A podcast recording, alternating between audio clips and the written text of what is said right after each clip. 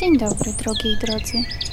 Nazywam się Joanna Sobesto, a to już szósty odcinek podcastu o przekładzie literackim, gdzie autor nie może tam tłumacza pośle. W poprzednim odcinku próbowałam pokazać, że badania nad przekładem i studia feministyczne mają wiele wspólnego. Starałam się pokazać, że przekład bywa seksualizowany w kulturze i nieśmiało ruszyliśmy też w stronę studium przypadku, zwanego często case study – Dzisiaj przesuniemy się jeszcze bliżej e, właśnie tej formy analizy, ale najpierw już tradycyjnie chciałam podziękować za wszystkie ciepłe słowa, które dotarły do mnie z różnych stron i w różnych miejscach, także takich zupełnie niespodziewanych w tym tygodniu. Zanim przejdziemy do rozmowy o Robercie Stillerze, ponieważ to on będzie punktem wyjścia do takich dwóch metod badania przekładu, czy też lektury przekładów, chciałabym jeszcze wspomnieć o pewnej bardzo dobrej informacji.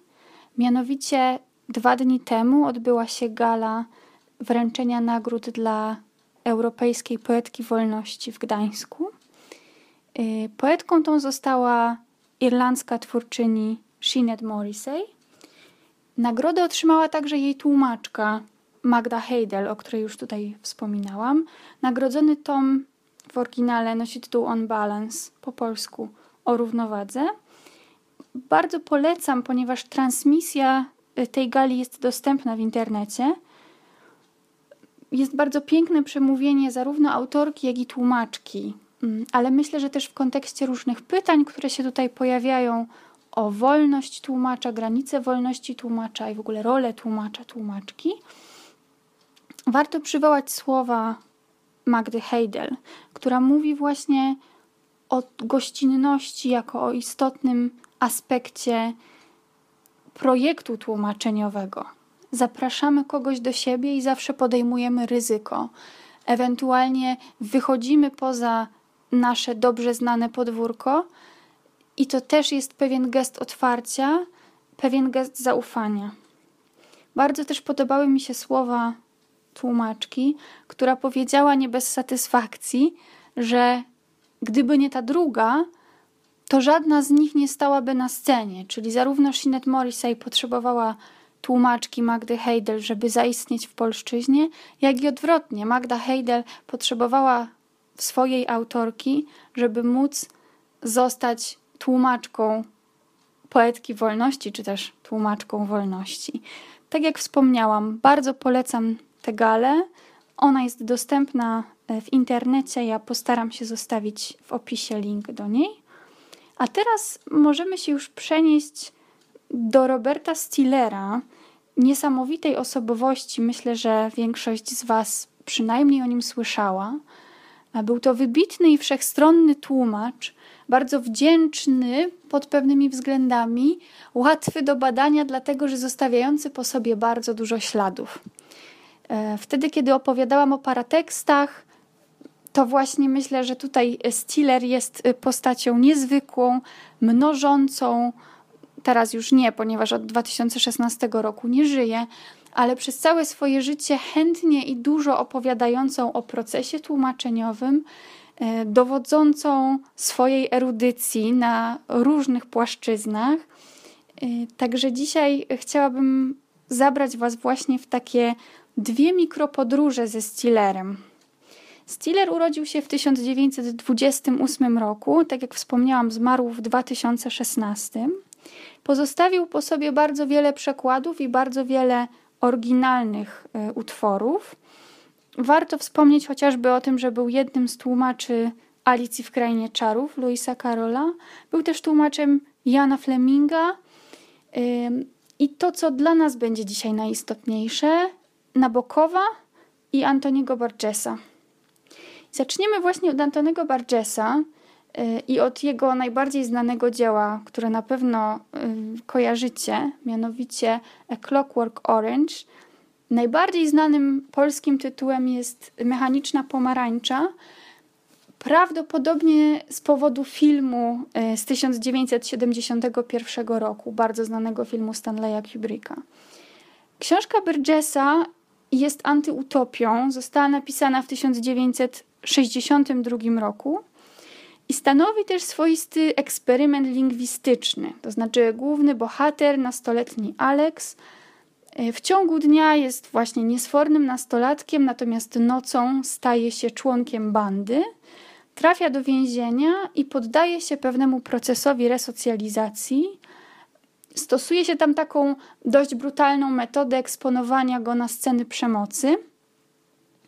Natomiast y, Burgess stworzył specjalny slang, czerpiący z jednej strony z angielskiego języka kolokwialnego, z drugiej strony nasycony rusycyzmami czy też pozorami rusycyzmów. W 1991 roku ukazał się pierwszy przekład tej książki na język polski. To jest istotny rok, dlatego że przed 89 krążyły różne legendy, pojawiały się różne fragmenty tej książki, natomiast w całości e, pierwszy przekład ukazał się w 91 roku i był to przekład Roberta Stillera. Nie był to jednak ostatni przekład, nie był to nawet ostatni przekład Roberta Stillera, ponieważ um, The Clockwork Orange po polsku posiada dwa tytuły. Wersja R, czyli właśnie wersja z 1991 roku, nosi tytuł Mechaniczna Pomarańcza.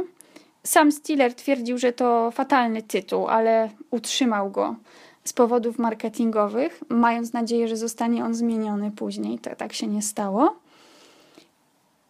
Niewiele później ukazała się nakręcana pomarańcza, tak zwana wersja A.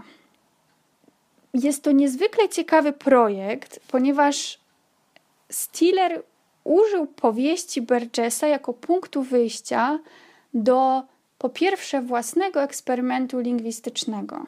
To znaczy wersja R czerpie swój inicjał od języka rosyjskiego i rzeczywiście jest polszczyzną pełną neologizmów, pełną rusycyzmów, zapożyczeń z języka rosyjskiego, y, takich, które funkcjonowały na różnych etapach, powiedzmy, rosyjskich wpływów w Polsce. Także z jednej strony są to takie XIX-wieczne, jeszcze z czasów zaborów, rusycyzmy, z drugiej strony jest to język nowomowy czasu PRL-u chociażby. Natomiast wersja A czerpie swój tytuł um, od języka angielskiego i pojawiają się w niej nie tylko zapożyczenia z angielskiego, ale właściwie te zapożyczenia zostają nadbudowane nad rusycyzmami.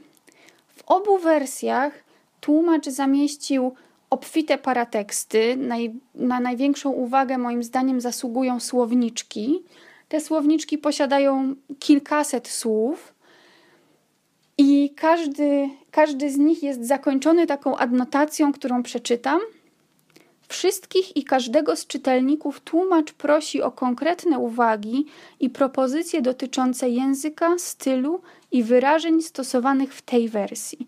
Proszę je przesłać na adres i tutaj jest podany adres Robert Stiller 05420 Józefów Puszkina 18. Jest to niesamowite. Tak jak wspomniałam, tłumacz już nie żyje od czterech lat, natomiast w różnych jego paratekstach pojawiają się różne jego adresy, co świadczy o tym, że zachęcał on do kontaktu ze sobą i rzeczywiście na ten kontakt też um, reagował. Bardzo ciekawej naukowej analizy różnych wersji pomarańczy dokonuje Karolina Szymańska w Przekładańcu, w czasopiśmie przekładoznawczym Przekładaniec. Ja też postaram się zamieścić link do tego w opisie. Autorka napisała do Stillera niedługo przed jego śmiercią z prośbą o udostępnienie fragmentów trzeciej wersji, ponieważ Stiller nie zatrzymał się na dwóch przekładach, zdecydował się jeszcze na trzeci, tak zwaną wersję N. Jak się można domyśleć, miała ona czerpać z języka niemieckiego i nosić tytuł Sprężynowa pomarańcza, czyli mamy mechaniczną z rusycyzmami, mamy nakręcaną z anglicyzmami nadbudowanymi nad rusycyzmami i niedokończoną sprężynową. Złośliwi śmiali się, że Stiller powinien także stworzyć upierdliwą pomarańczę, która byłaby napisana nienagalną polszczyzną i stanowiłaby parodię języka mediów współcześnie. Inna grupa osób, która także podśmiechiwała się z tego eksperymentu Stillera, pytała, dlaczego nie stworzy on wersji chińskiej.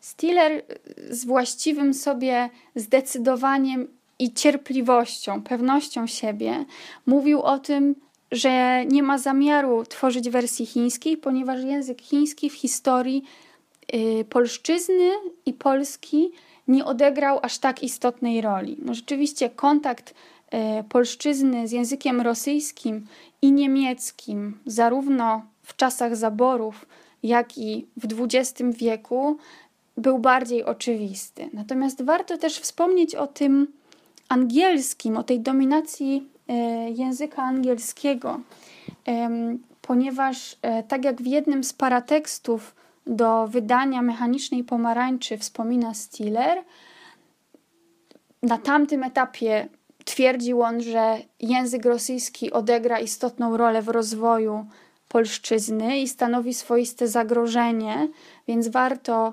prześledzić sposób, w jaki ten wulgarny, kolokwialny, niepoprawny język, czerpiący też trochę y, z takiego żargonu więziennego, będzie funkcjonował w przyszłości. W wersji angielskiej Stiller wspomina o tym, że historia wywinęła koziołka i okazało się, że język polski raczej nie będzie już ulegał rusyfikacji.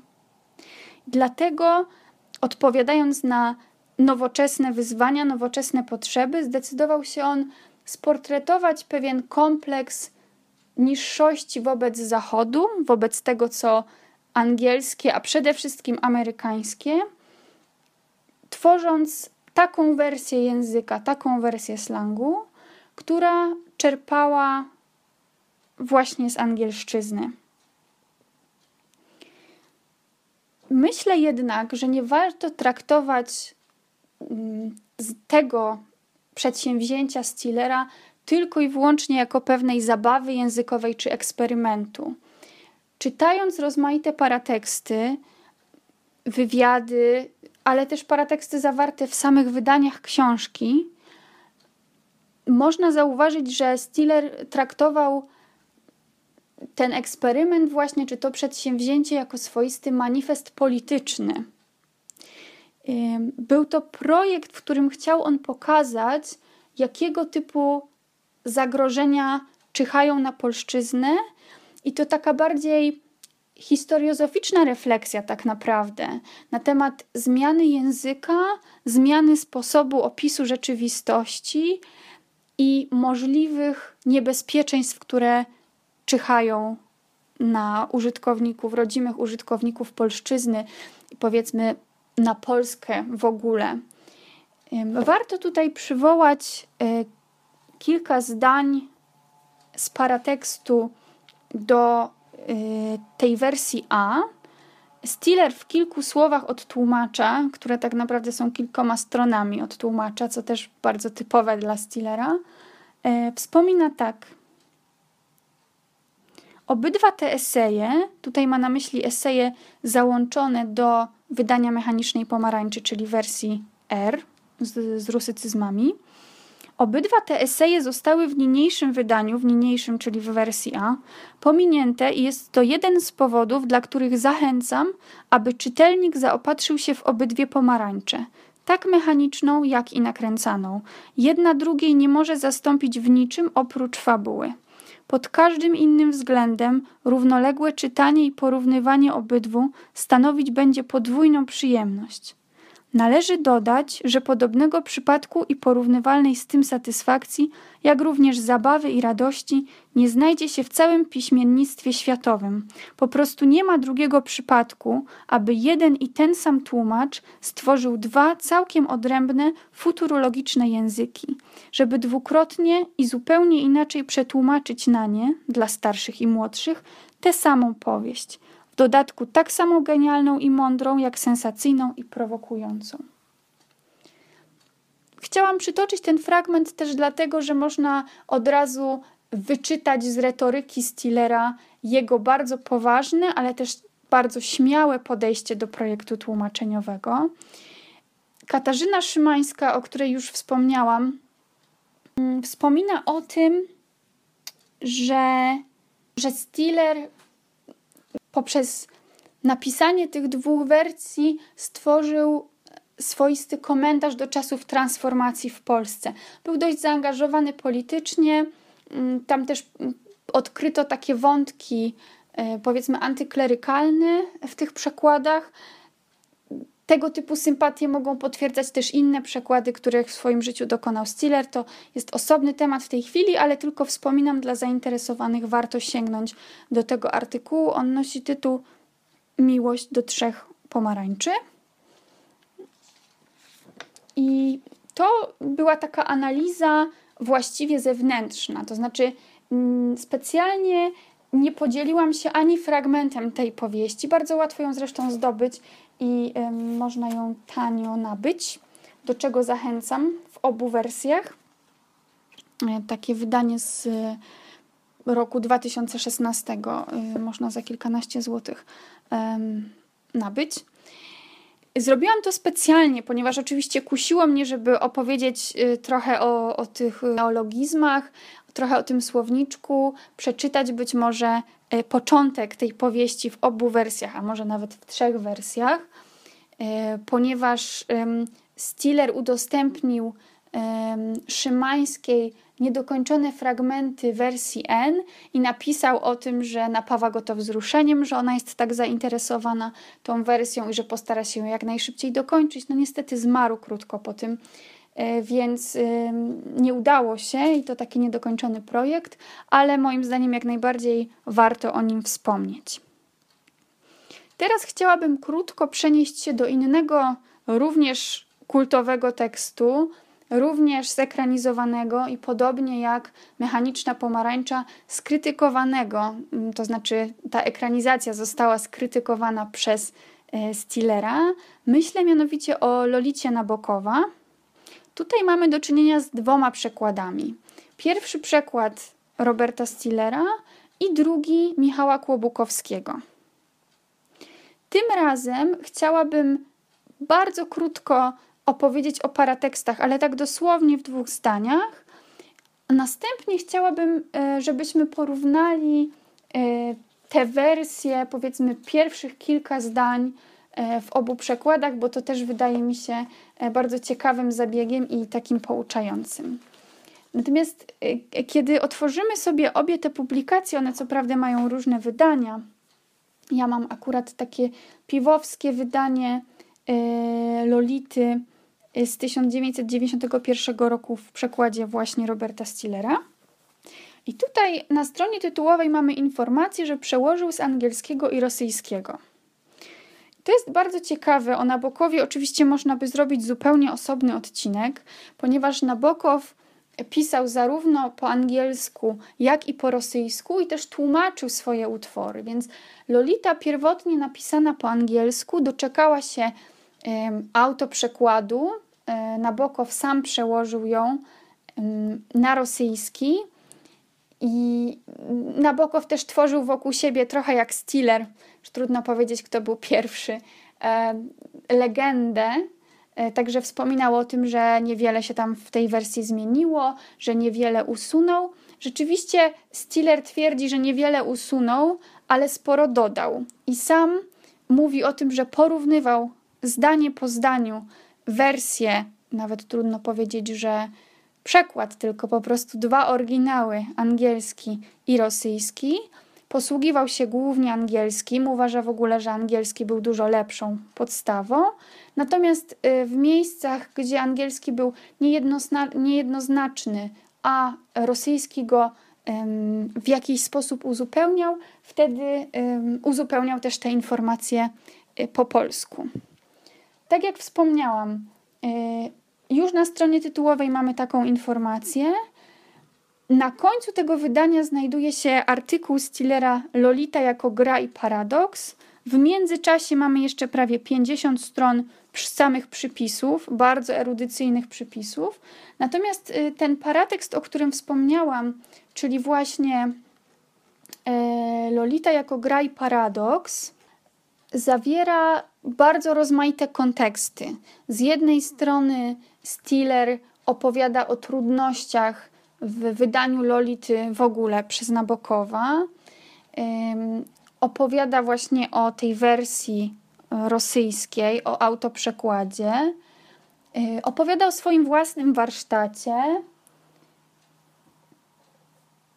Opowiada też o rozmaitych trudnościach przekładowych. Twierdzi, że to najtrudniejsza książka, którą przyszło mu przełożyć. Dużo trudniejsza niż chociażby y, mechaniczna czy sprężynowa pomarańcza.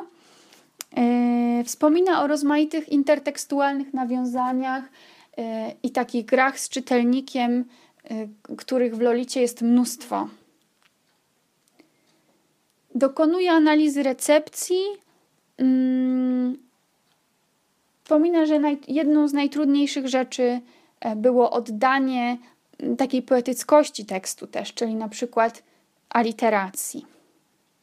Michał Kłobukowski w swoim e, wydaniu przekładu nie pozostawia żadnego śladu, y, żadnego zapisu pracy nad przekładem, natomiast ukazały się rozmaite artykuły i wywiady z Kłobukowskim, w którym zapytany o to, dlaczego zdecydował się na nowy przekład powieści przetłumaczonej przez Stillera, wspomina, że był kiedyś w księgarni piwu na Foxal i podsłuchał rozmowę kogoś, kto wszedł i zapytał, czy jest Lolita.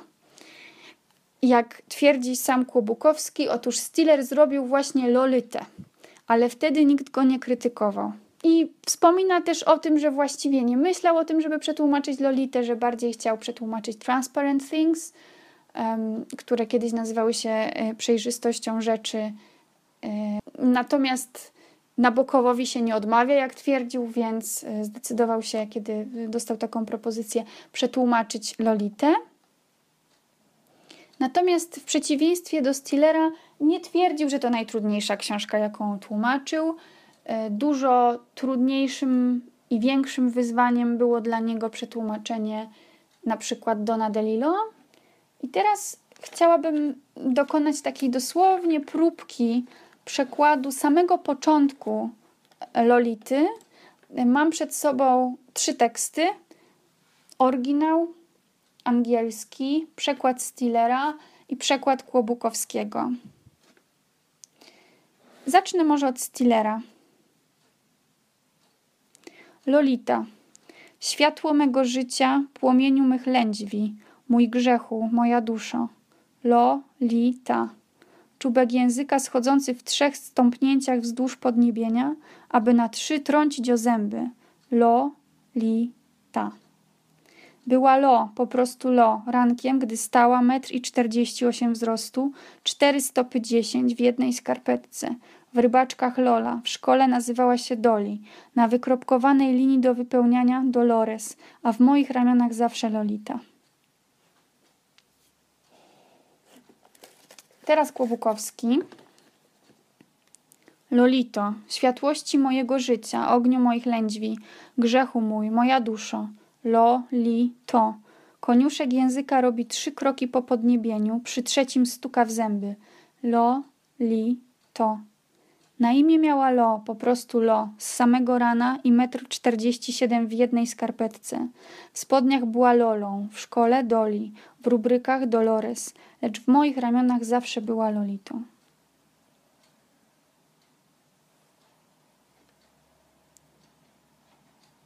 Domyślam się, że bardzo trudno mm, zauważyć pewne różnice, nie mając tekstu przed oczami, więc ja postaram się zamieścić te fragmenty przekładów.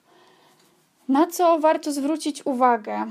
Mm, warto przeczytać sobie na głos oryginał, żeby rzeczywiście usłyszeć te aliteracje, dźwięki, które się powtarzają już nawet sam początek, prawda? Lolita, light of my life. Powracające też Lolita, później e, sylabizowane Lolita i później osobne zdania, właściwie westchnienia Lolita. I tutaj też ta cała gra z imieniem, prawda? Jak wiele imion miała bohaterka. Ciekawe jest to, że w przekładzie Kłobukowskiego mamy do czynienia z y, wołaczem. To znaczy Kłobukowski zaczyna Lolito, światłości mojego życia. Brzmi to, mm, brzmi to jak y, swoista apostrofa do bóstwa. Bardzo ciekawe są też te kwestie związane z systemami metrycznymi. To znaczy, u Tillera mamy metr i 48 wzrostu, 4 stopy 10. I to jest bardzo nieczytelne, bo tu się w ogóle mnożą. On zdecydował się zastosować i system metryczny, i stopy. I jeszcze te stopy w jednej skarpetce to takie trochę mrugnięcie oka nam tutaj powstaje. Natomiast y, u Kłobukowskiego mamy po prostu 1,47 m w jednej skarpetce. I to jest y, ciekawy przykład y, właśnie domestykacji albo forenizacji, czyli jeżeli zmieniamy mm, ten system na metryczny, tak żeby to było dla nas zrozumiałe, wtedy dokonujemy swoistej domestykacji. Jeżeli zostawiamy stopy. I jeszcze te stopy w jednej skarpetce to jest taki niebezpieczny zabieg, prawdopodobnie celowy w tym przypadku, ale jednak y, tworzący nam takie niebezpieczne obrazy w głowie, prawda? Jeżeli myślimy, że to były yy, cztery stopy 10 w jednej skarpetce, to wyobrażamy sobie te cztery stopy w jednej skarpetce i to już jest taki y, sygnał niepokojący dla tłumacza. Tutaj pojawiają się rybaczki. U Kłobukowskiego mamy natomiast spodnie. I też u Kłobukowskiego y, zarówno części garderoby, jak i y, rozmaite miejsca czy przestrzenie są nazwane bardzo krótko, tak żeby stworzyć pewne paralelizmy, czyli mamy w spodniach była Lolą w szkole, Doli w rubrykach Dolores, w moich ramionach Lolitą. Natomiast yy, Stiller to rozwleka, czyli w rybaczkach Lola, w szkole nazywała się Doli, na wykropkowanej linii do wypełniania Dolores. Ta wykropkowana linia do wypełniania yy, rzeczywiście została tutaj u Kłobukowskiego skrócona jako rubryka i wydaje się to czytelne dla nas zdecydowanie bardziej. W oryginale mamy co prawda on the dotted line, więc można powiedzieć, że Stiller jest bliżej tego tekstu. To zaledwie taki początek, taka drobinka rzucona. Mogłabym jeszcze długo tutaj analizować i bardzo wiele fragmentów analizować, ale chciałam tylko, um, tylko rzucić, e, pokazać, w jaki sposób można zająć się analizą przekładu z jednej strony, wychodząc od tekstu, tak jak teraz, czytając go na głos, bardzo serdecznie to polecam, z drugiej strony, wychodząc od paratekstów. I tak już zupełnie na samym końcu tego odcinka chciałam powiedzieć, że ciekawe jest też badanie recepcji i to takiej recepcji nieprofesjonalnej, ponieważ krytyka przekładu jest ciągle taką dziedziną, która um, nie jest zbyt rozwinięta i domaga się pracy. Pojawiają się rozmaite inicjatywy, konkursy na recenzję przekładów. Natomiast y, bardzo pouczającym doświadczeniem jest lektura różnych forów i trafiłam na taką dyskusję czytelników, y, którzy zastanawiali się, który przekład jest lepszy, czy Kłobukowskiego, czy Stillera. I y, to było bardzo ciekawe, ponieważ oni właściwie nie używali żadnych e, merytorycznych argumentów, odnosili się raczej do takich emocjonalnych, e, bardzo impresyjnych i subiektywnych wypowiedzi mówili o tym, że Stiller na przykład zawsze ich uwodzi. E, ciekawa jestem, czy to mogłoby kogoś przekonać. Natomiast polecam też lekturę takich forów. To jest oczywiście z pewnym aparatem krytycznym i z pewną dozą dystansu, myślę, że stanowi bardzo ciekawe źródło informacji o recepcji właśnie i o funkcjonowaniu przekładu w kulturze. Następnym razem e, chciałabym w podobny sposób, to znaczy dużo bliżej tekstu, skupić się na debiutanckiej powieści Jonathana Safrana Foera Everything is Illuminated. E, na tej podstawie też powstał film. E, tak jak wspominałam, zapraszam do komentowania, zapraszam do dyskusji i zapraszam też do podsyłania pytań do QA, które się zbliża oraz propozycji case studies. Mm. Dziękuję też za wszystkie komentarze. Tak jak wspomniałam, te, na które jeszcze nie odpowiedziałam, znajdą swoje miejsce w ostatnim odcinku. Odniosę się do nich na pewno, a tymczasem bardzo Wam dziękuję za wspólnie spędzony czas. Do usłyszenia.